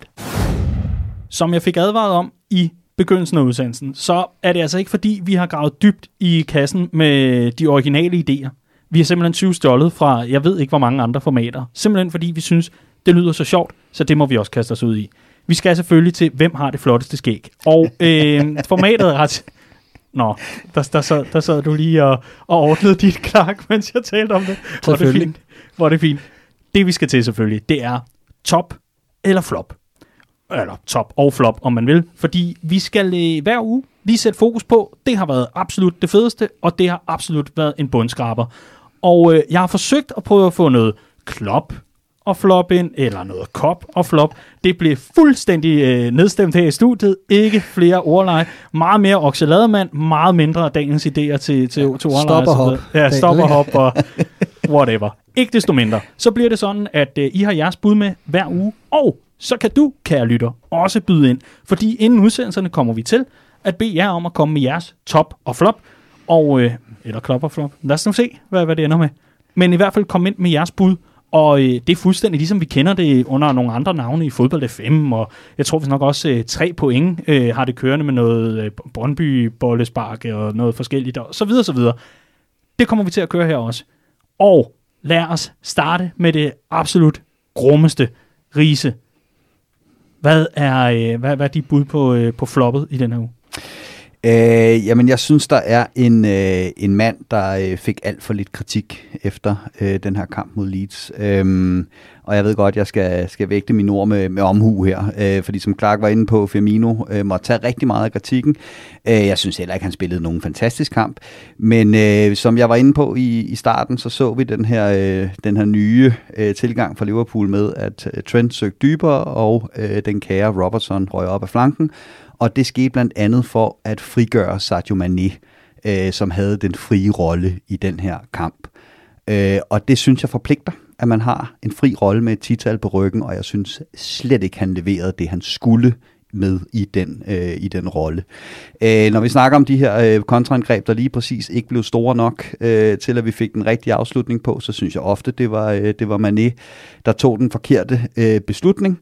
Øh, og det er ikke fordi, han ikke øh, er en fremragende fodboldspiller, og han ikke øh, kan finde ud af at spille fodbold og alt det her, og det var ikke sådan en, en dumpeagtig kamp. Mm. Men det var bare, som, øh, som Michael Laudrup sagde, når Barcelona kom en mand i overtal, så sagde Cruyff til de 10 andre på banen, I dækker jeres mand, og så spiller I bolden til Michael Laudrup. Og så sagde han, hvis man ikke udnyttede det, og skulle ned og kigge sine holdkammerater i øjnene bagefter kampen. Det var ikke sjovt. Mm. Øh, jeg synes ikke, der blev leveret det, der skulle af en, øh, af en, en Mané i fri rolle med et øh, tidstal på ryggen. Udmærket. Så har vi fået åbnet det. Det var, det var dit flop, altså Sergio Mané, der ikke fik udnyttet sin øh, frie rolle. Så vil jeg gerne tage den næste, og øh, mit flop for denne uge, det er Jürgen Klopp, men det er ikke på grund af hans trænergærning. Det er øh, hans opførsel i pressen. Jeg synes ikke som sådan, at han opfører sig øh, slemt, men jeg synes, det er fuldstændig unødvendigt at gå ind på og påpege, hvilke andre situationer andre klubber har i forhold til transfer, og prøve at legitimere det stå nu bare for dig selv, og lad nu være med at stikke til Chelsea. Igen, vi har haft rigelig palaver på den front med noget med en bænk og noget med det ene og det andet. Lad den nu bare ligge, lad ham nu bare hygge sig. Og igen, så gav han Lampard al den plads, han overhovedet kunne bruge, til som optag til kampen netop at tale om, ja ja, men hvem har Liverpool hentet? Og så kan han ellers få lov til at blusse op. Det er der ingen grund til. Klopp, hold dig nu for god til det der. Han er alligevel bare en sekunda-manager ved siden af dig. Så det var lidt unødvendigt, Klopp, og øh, det er altså mit flop i den her uge. Jeg er rørende uenig, men Ja. øh, nok om det. øh, Skal vi tage den udenfor? ja, det tænker jeg. Øh, mit flop, det er, øh, det er centerforsvaret. Øh, af rigtig mange årsager. Men øh, jeg, jeg ville egentlig sige, øh, sige, sige Joe Gomez, øh, men det synes jeg, jeg synes Van Dijk skal med oven i hatten. Øh, glimrende offensivt mod et Leeds-hold, der var fuldstændig katastrofalt på dødbolde. Øh, men, øh, men defensivt, der var det altså, det var sløset, og det var netop den her balance mellem øh, arrogant og kontrolleret, den, det, er, det er Van Dijk, der er mesteren i det der, og det er ham, der i øjeblikket er tippet mest over til den forkerte side, som jeg ser det af vores nøglespillere. Øh, der skal ske noget. Øh, jeg så dog et stat, vil jeg lige sige, omkring at Virgil van Dijk nu er den spiller, der siden 2017-18 sæsonen har lavet flest fejl, der leder til mål Det, øh, den giver ingen i Premier mening. League. Og det gør den. Det er rigtigt. Det er korrekt. Men der er flere ting i det. En ting er, at han har været helt exceptionelt uheldig i forhold til, at de fejl, han har lavet, har Åh, givet ja, scoringer. I forhold til, at der er spillere, der har lavet flere fejl. Øh, blandt andet er der fire forsvarsspillere, Willy Boli, Johnny Evans og et par stykker mere, som har, lavet, som har lavet 23, 23 fejl, hvor kun én er ført til mål, for eksempel. Så det er helt exceptionelt uheldigt, det er den ene ting. Og så er der også den anden ting i det. Van Dijk har spillet 90 Premier League-kampe Ja, i streg, ja. så han har klart flest minutter. Gør man det op i fejl per minut, så er der 184 spillere, der har lavet flere defensive fejl. Bare lige for at nævne et par stykker, så er Harry Maguire og i særdeleshed Phil Jones i blandt dem. Øh, en god spindoktor. så det var bare lige for Ja, ja. lige at sætte den record straight. Yes. Øh, men Joe Gomez, for at være helt ærlig, øh, jeg synes, det er, har været alarmerende længe, og jeg synes netop, når vi snakker forspillere, der kan noget mand-mand, så plejer han at være super god til det, løbe sin, øh, sin, op, eller sine modstandere op og så videre. I øjeblikket er det som om, han bare løber lige igennem dem og ikke får bolden med. Øh, så, øh, så det skal blive bedre, ellers så skal vi se en Joel Matip træde ind på Stamford Bridge. Det var dit flop. Det første. Spændende. Vi er vidt omkring. Nå, Riese, så bliver det spændende at høre din, din top i, øh, i den her uge. Øh, jeg sad med fornemmelsen i den her kamp øh, af, at vi kunne have scoret 28 mål på dødbolde. Øh, en oprykker, der kommer op i, i, i Premier League. Øh, den, der de får frispark på, hvor Van Dijk ellers også... Ikke skyggen. Der er ikke skyggen af frispark. Der er simpelthen bare en mand, der... Øh, det går for hurtigt for ham. Mm. Øh, er du sindssyg, hvor vi rev dem over på dødbolde? Øh, jeg, øh, I Redman Manager, der har jeg, øh, der har jeg vores to backs øh, som mine to forsvarsspillere. Jeg begynder at fortryde, at jeg ikke har Van Dijk, fordi han kan komme til at score 25 mål på dødbolde i den her øh, sæson. Og øh, som Liverpool-fans ved vi jo, at, øh, at næste kamp er altid nøjagtigt ligesom den, vi lige har spillet. så, øh, så det regner jeg med, at han gør. Det, det er ret vildt, at du fremhæver det her med, med at sammenligne den med åbningskampen sidste år. Der scorede Van Dijk også det nemmeste mål, jeg Præcis. nogensinde har set. Det var fuldstændig det samme i den her. Fantastisk øh, top, synes jeg. Og, øh, og også, øh, synes jeg, godt med, med et lille plok, øh, nu hvor vi er over i, i den øh, ende af rimene. For øh, vi har jo vores Redman Manager kørende nu, og man, man er dog ikke kommet så langt bagud, så man ikke kan nå at stille et hold. Så øh, gå ind på redmanfamily.dk, vær med i Redman Manager. Vi skraber nogle lækre præmier øh, sammen i en stor bunke, og så er det ellers øh, de bedste af de bedste. Øh, og så måske Riese, hvem ved, der altså øh, kan løbe... Øh, Og inden nogen øh, går ind og opdager det, så kan jeg lige så godt selv afsløre, ja, jeg havde Mané som anfører. Det, Så er vi to. Oh my god. Nu, nu, skal, det ikke blive sådan, at hver gang så er det flop, fordi at jeres fantasy-resultater ikke gik... Øh, om jeg havde dem på odds og sådan noget. Hold nu op. Det, øh, nå, det må vi lige stramme op på i næste uge. Min top i øh, den her uge, det er Curtis Jones. Og øh, det er simpelthen fordi, at øh, jeg begynder mere og mere... Jeg, jeg er altid lidt skeptisk omkring de unge spillere. Jeg vil gerne gå med på, på det der hype trainer. Jeg vil gerne stige ombord med billet und alles, men ikke fuldbyrdet. Jeg er efterhånden ved at være helt overbevist. Den knægt, han har så meget klasse, og det han nåede at vise, trods sin øh, nogenlunde korte tid på banen, det var trods alt nok til, at jeg efterhånden er tippet helt derover, hvor jeg øh, må sige, hej Patrick Pilov, må jeg være med i fanklubben. Det er altså øh, virkelig en spiller, som øh, imponerer mig. Hold nu op, Curtis. Øh, altså, long may continue. Jeg tror, der er, øh, der er rigtig meget godt på vej fra ham, og jeg glæder mig så meget til at være passager på netop toget. Overraskende, at han kom ind i stedet for blandt andet Minamino Ja. øh, Mhm. i, i den her kamp. Ikke? Øh, det siger lidt om, hvad status han Ja. har i, i truppen, fordi Minamino har haft en vidunder i preseason. Men øh, ja, jeg kan kun tilskrive mig den med, med, med Curtis Jones. Jeg må dog sige, at min top, det er Mohamed Salah. Ja. Øh, det kan vi ikke komme udenom, at han havde en øh, fremragende sæson øh, start, og øh, på trods af, at det var på to straffespark, så var de mega køligt eksekveret, især den sidste, øh, som for mig at se var klassisk, at han ville sparke der, hvor målmanden øh, lagde sig ned, men han var, øh, han var så velforberedt, så han, ja, han vandt den duel, og det var, det var mega fedt at se. Det er altid svært, når man har sparket midten på den første, ikke? fordi så skal man lige pludselig lave et udfald, der er det andet, ellers så ser man rigtig dum ud, hvis man i 87. minut sparker lige på keeper, når han griber derud. Så, Taler vi øh, erfaring her, Clark? Eller? dog ikke. Øh, dog pa- ikke, Panenka. Clark Dog, nede i, øh. nej, den, den, har jeg, den har jeg dog aldrig lavet. Men øh, det kan være, når det bliver Old Boys, at det, det bliver aktuelt. Nå, men øh, så kan man lige øh, notere den på bloggen og ned i øh, fodboldstøvlen, eller sokken hedder det selvfølgelig, hvis man møder Clark nede på Oldboys-banerne Ej, på men- et tidspunkt. Men for lige at runde af, er du sindssygt mål til, ja. øh, til 3-2, han laver øh, Salah. Og, øh, og i det hele taget var han, som jeg også sagde indledningsvis, bare super skarp i, øh, i alle mulige aspekter af spillet. Ikke? Og øh, jeg håber, at det er, det er den standard, der ligesom er sat for Salah i åbent spil især. Fordi der var jeg virkelig imponeret. Jeg synes rigtig mange gange, at han, det er som om, han har taget lidt for meget ansvar, når han har skulle drible, og, og lidt for meget, lidt for mange berøringer, og lidt for let at læse i forhold til altid at gå ind i banen og sådan nogle ting. Der var variation i det her. Der var begge veje, der var skarphed, der var slip bolden, når du skal, og alt det her. Øh, og så synes jeg bare, at det var, det var fremragende at se fronttriven rulle sig ud i flere øh, situationer, Mm. hvor der blev spillet one-touch fodbold i anden halvleg. Så øh, mere det. Meget mere af det. Og noget, der også kommer mere af. Nu fik jeg lige nævnt hans navn, og det er måske for dem, der ikke kender manden, så det er det selvfølgelig super underligt at sige. Men Patrick Pilov, som jeg lige henviste til tidligere, han er jo vores redaktør på det område, der hedder Academy-stoffet, altså ungdomsspillerne. Og så han ved jo simpelthen alt om hele det unge kul, der er kommet op, og som øh, vi andre måske ikke lige har holdt lige så godt øje med. Han ved decideret alt om det. Og øh, han og jeg, vi havde et format, som vi rullede ud i sidste sæson, der også blev lidt corona-ramt. Ikke desto mindre, det vender selvfølgelig tilbage i den her sæson. Liverpool Watch, hvor vi ser nærmere på ungdomsspillerne i klubben, og også på klubben øh, i sig selv. Der har været nogle øh, hyringer og fyringer og alt muligt andet øh, på ledelsesgangen, så spændende skal det blive. Vi vender tilbage. Vi prøver at lægge en dato her i september, for at øh, Liverpool Watch skal komme ud, og ellers så bliver det i begyndelsen af oktober. Vi lover i hvert fald at øh, skrue op for fre- frekvensen igen, og så ellers give den fuld gas med det format. Tak for jeres top og flop. Det var en, øh, en flot debut, og jeg glæder mig så meget til at få øh, nogle flere bud med næste gang øhm, fra en masse gode lyttere. Og så tænker jeg noget, noget grafik med, med toppen. Det er jo selvfølgelig Gerrard og Salah og så videre. Og så, så synes jeg, vi skal vælge en Liverpool sådan figur hver, sådan noget Charlie Adam eller sådan noget, der, der måske kan være floppet nedenunder. Hvad, hvad, hvad tænker I? Lige sådan grafisk. Hvem, hvem, øh, hvem, hvem, hvem kunne være god at have? Uha, hvem kunne have god Ej, men det kan ikke være tre gange Christian Poulsen, så vi bliver lige nødt til at fordele bolden lidt. Ja. Den må, den må vi lige tage internt. Kan vi Det ikke, kunne Skal, godt skal, vi hænge, skal vi hænge en ud? præcis, det er jo, øh, det er jo ikke You Never Walk Alone, det der, Daniel. Vel? Men jeg har aldrig været en rigtig god Liverpool-fan af mig, så, øh, så det, det må jeg nok bare indrømme. Selv Ronin er et godt menneske. Ikke? Ja, ja. Nå, men øh, i Tandje siger I, så går vi med ham. For han er ikke You'll Never Walk Alone. Det er han ikke. Vi skal øh, tale optag til øh, Chelsea-kampen, og øh, så alle de der flop, det kan vi tage i vores søndags øh, herreklub rise.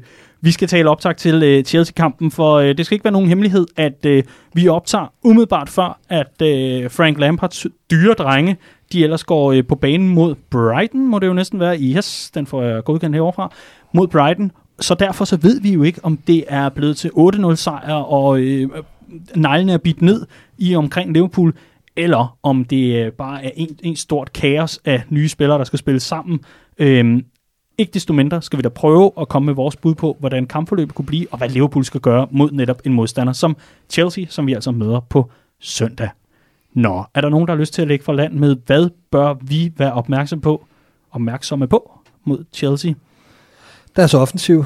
Øhm, den mod Den vores... der tandløse, som ikke fik scoret mod Brighton. Ja, den, øh, den offensiv, som, øh, som, som forvolder så store problemer på, på mesterskabsaften, øh, især i anden halvleg, øh, skal vi være rigtig opmærksom på. En Timo Werner, som vi selv gik glip af øh, op foran, som det helt store navn. ikke øh, øh, Kai Havertz selvfølgelig, så frem da han spiller. Øh, Øh, og så, øh, og så de, de to kanter i, øh, i Siates og knæskadet nu her, men, men en ung Hudson Odoi, som må være sulten for at gribe den chance, der, der eventuelt kommer der, og så i særdeleshed øh, Christian Pulisic. Altså, det er jo navne, vi, vi kender, øh, rigtig mange af dem, fordi vi tidligere selv har været sat i forbindelse med dem, og fordi de har været blandt de allermest øh, eftertragtede i Europa. Øh, Chelsea har været ude og, og, og lægge den store pengepunkt den her sommer til at bestikke en situation, som de har, de har kunne tillade sig i forbindelse med, at de har et andet ejersetup, for at referere til Andreas mm-hmm. øh, snak mm. tidligere, mm. end, end vi har, og, og en mange andre har i Premier League, og derfor har de set en mulighed for at kunne gå ind og æde sig ind øh, på, øh, på topræset. Øh, og det forpligter jo. Altså, der kommer en masse pres med i, at man handler så dyrt ind på en, på en ung manager som Frank Lampard, så det bliver rigtig interessant at se. Men for, for at opsummere, så er det deres offensiv, vi skal, vi skal holde ekstra godt øje med. Okay, jamen øh, det lyder som et uh, super godt oplæg. Vi skal holde øje med Chelseas offensiv, og øh, det med en defensiv, som jo bare står drønstærkt. jamen, ja, og jeg tror, jeg tror, der er en anden ting, jeg vil holde øje med, og det er, at det, at det vi skal holde øje med, det er at stoppe øh, forsyningen til den, øh, den offensiv. Det plejer gerne at være Jürgen Klopps kongstanke, ikke? Altså, mm. det gør sgu ikke noget, de er 5 mod 4 op øh, på, mod vores forsvarskæde. Hvis vi kan stoppe afleveringen i at komme, så står de bare fem mand deroppe og blomstrer, så er der, så er der motorvej den anden vej, ikke? Og det, jeg lagde mærke til mod Leeds, det var, var uafstemt øh, til tider, det var det her med, at vi har ligesom to presfigurer. Vi har Firmino, der falder ned på den defensive midtbanespiller, hvor at lige tager deres øh, dybe playmaker Phillips der, som også var, fik øh, landsholdsdebut mod Danmark. Det lykkedes rigtig, rigtig godt at få pakket ham ind egentlig. Og så på et tidspunkt vil vi godt over i den mere offensive presfigur, hvor det er Henderson, der skal presse op på ham. Og det var en gang, at Firmino og Henderson gik fejl af hinanden så fik Phillips bolden, og så stod den 1-1, øh, fordi han lagde den der øh, lange, dybe aflevering. Hvis det er Jorginho, der ligger derinde for Chelsea, au, au, au. Ikke? Den skal sidde lige i skabet, den der med, hvem har ham, øh, når vi presser enten øh, øh, højt med Firmino eller dybt med Firmino. Ikke? Mm. Øh, så så det, tror jeg, det tror jeg især, jeg vil, jeg vil holde øje med. Især fordi, at Chelsea faktisk sidst vi mødte den, fulgte fuldstændig samme strategi, som øh, Leeds gjorde øh, i, øh, i, i vores kamp mod dem. De her to otter på midtbanen, der bare brager helt op i fjeset på vores forsvar, og det gør, at vores midtbane bliver fanget lidt på mellemhånd. Skal de følge de løbere? Skal de ikke følge de løbere? Skal de falde tilbage? Skal de presse fremad? Og så videre. Hvis de kan bruge det Chelsea til at skabe den plads til deres dybe playmaker, og den dybe playmaker hedder Jorginho, så kan det komme til at gøre rigtig ondt. Så det skal, det skal sidde lige i skabet. Mm-hmm. Clark, øh, justeringer fra, fra Leeds-kampen. Er det kun defensivt, eller er der andre steder? Hvad, øh, hvad tænker du for eksempel om, øh, om midtbanekonstellationen til det her opgør? Fordi det er jo ikke nogen hemmelighed, at Fabinho jo ikke var med fra start, for eksempel mod Nej, Leeds. og det skal han være. Det er der ingen tvivl om. Øhm, sidste år på Stamford Bridge havde han dog en øh, lidt uheldig rolle i det mål, Kanté scorer, hvor han vender rundt på ham inde på midtbanen og dribler ned på kanten af feltet og losser den i krogen. Et glimrende mål. Ja. Men Desværre. i det hele taget havde Fabinho lidt startvanskeligheder sidste år i forhold til at komme op i tempo, men han er simpelthen en så vigtig brik for den måde, vi gerne vil forsvare på, den måde, vi gerne vil spille på, så vi skal have ham i gang. Han skal ind og spille, øh, og så vil jeg egentlig gerne se Joel Matip i stedet for Joe Gomez, tror jeg. Øh, jeg synes, det har været et formdyk over meget, meget lang tid efterhånden. Og øh, jeg tror, jeg vil puste ham i nakken ved at sætte Matip ind. Men er det mod Chelsea, det at jeg. en rockhold øh, Joel Matip skal altså, i gang? vi har lige lukket tre mål ind mod ja. Leeds på hjemmebane, og øh, vi har lukket, som du indledningsvis sagde, 1,62 mål per kamp. Nå, nu er det defensivende problem. Nå, det har jeg egentlig sagt hele tiden, at, det, den, at, at det har været en bekymring. øh, men øh, så, så ja, det tror jeg, det er. Jeg tror, det er, det er tidspunktet at, at smide Matip ind i den der. Med så meget fart og tempo omkring sig? Jamen, Spændende. Matip er ikke en langsom spiller. Nej, men han, er ikke, han har heller ikke så frygtelig mange kampminutter i benene, har han det? Nej, det har han vel ikke. Men det har også været en mærkelig preseason. Det tror ja, jeg ikke, der er særlig mange spillere, der har egentlig. Nej, nej. Øh, men, øh, men interessant. Ja. Interessant, interessant. Er du enig i den betragtning, eller er det lige for tidligt? Det kunne jeg sagtens være. Øh, jeg synes, at, øh, at Joe Gomez øh, har været, som Clark også siger, over det over en længere periode, at han ikke har virket som om, han har været der sådan rigtigt. Det er længe siden, vi har set ham på en absolut topniveau. Det, der bare altid er med den afvejning, det er, at jeg ikke i øjeblik, et øjeblik i tvivl om, at øh, Joe Gomez har et tårnhøjt potentiale og det højeste topniveau af de to. Og jeg lærer aldrig rigtig at elske Matip, slet ikke når det kommer til mand-mand-duellerne. Øh, så, så det er altid en, af, en afvejning oven i hovedet, ikke? Altså at, øh, at vi får ikke Joe Gomez tilbage på sit bedste, mindre det er sådan en, en motivationsting, hvor han netop skal, skal dumpes øh, ud af holdet. Hvis det er mere sådan en selvtillidsting, øh, lidt rust, der skal bankes af benene, og preseason, der ikke lige sad i skabet, så får vi ham jo ikke tilbage på topniveau, hvis ikke vi spiller ham. Så, øh, så jeg, jeg, men jeg kan sagtens gå med på, at det kunne... Det, jeg vil ikke hverken øh, kræve Klopp fyret eller øh, noget som helst andet, hvis, øh, hvis Matip er i startopstillingen. Ikke i den her uge. Og så tror jeg, at vi skal, øh, vi skal have Gini Wijnaldum øh, og Jordan Henderson foran øh, Fabinho til en start, øh, mm. og simpelthen vinde det slag inden centralt, fordi Chelsea øh, kommer angiveligt til at være rigtig fristet til at spille med en ekstra offensiv spiller. Altså at bruge Kai Havertz i en mere offensiv rolle for midtbanen, eller noget i den stil. Øh, og der skal vi bare ind og vinde med det, vi ved, vi kan. Det er tidlig i sæsonen. Øh, ingen grund til at, øh, at, at kaste en eller anden konstellation af sig, som måske ikke sidder i skabet defensivt, øh, så heller have noget at skyde med for bænken. Sådan har jeg det i så svær en udkamp. Det gjorde virkelig også en forskel at få Fabinho på banen mod mm, øh, Leeds, absolut. og jeg tror, det bliver meget samme udtryk, øh, Chelsea kommer med, som sagt, på midtbanen, mm. så det giver rigtig fint mening. Men øh, hvis man kan huske den aften, hvor øh, Henderson, han, øh, og vi var jo i tvivl om, han kunne, men han trods alt lavede øh, de, de famøse steptrin, inden han løftede pokalen, så husker man måske også, at øh, der var en øh, Naby Keita i frygtelig godt spillehumør. Mm. Er det det, der skal bringes fra bænken? Ja, det, det, det, det må det jo så det, være det, i det er blandt udregning. andet det, altså... Ja. Ja, og jeg synes, det er et svært valg, øh, fordi det kunne også give, give bonus og sats, ikke? Fordi der er ingen tvivl om, at for vi får vi vundet det slag på midtbanen og får brudt de gange, vi skal i deres opspil Chelsea, så står der altså en ufattelig svag bagkæde dernede øh, på nuværende tidspunkt. Den nye øh, venstreback Chilwell er heller ikke med øh, i, i aftenskamp mod Brighton for eksempel. Øh, der er en keeper-situation, der ikke helt er løst endnu. Øh, det kan den godt være frem mod på søndag, men på den måde, at man ser ud til at købe en 28-årig målmand i Rennes. Øh, og... Øh, og, og, og der er bare nogle ting, der ikke helt er, er, er indspillet. Thiago Silva har ikke rigtig trænet med endnu nede bag i, så hvem er det, der kommer til at spille, og så videre, så videre.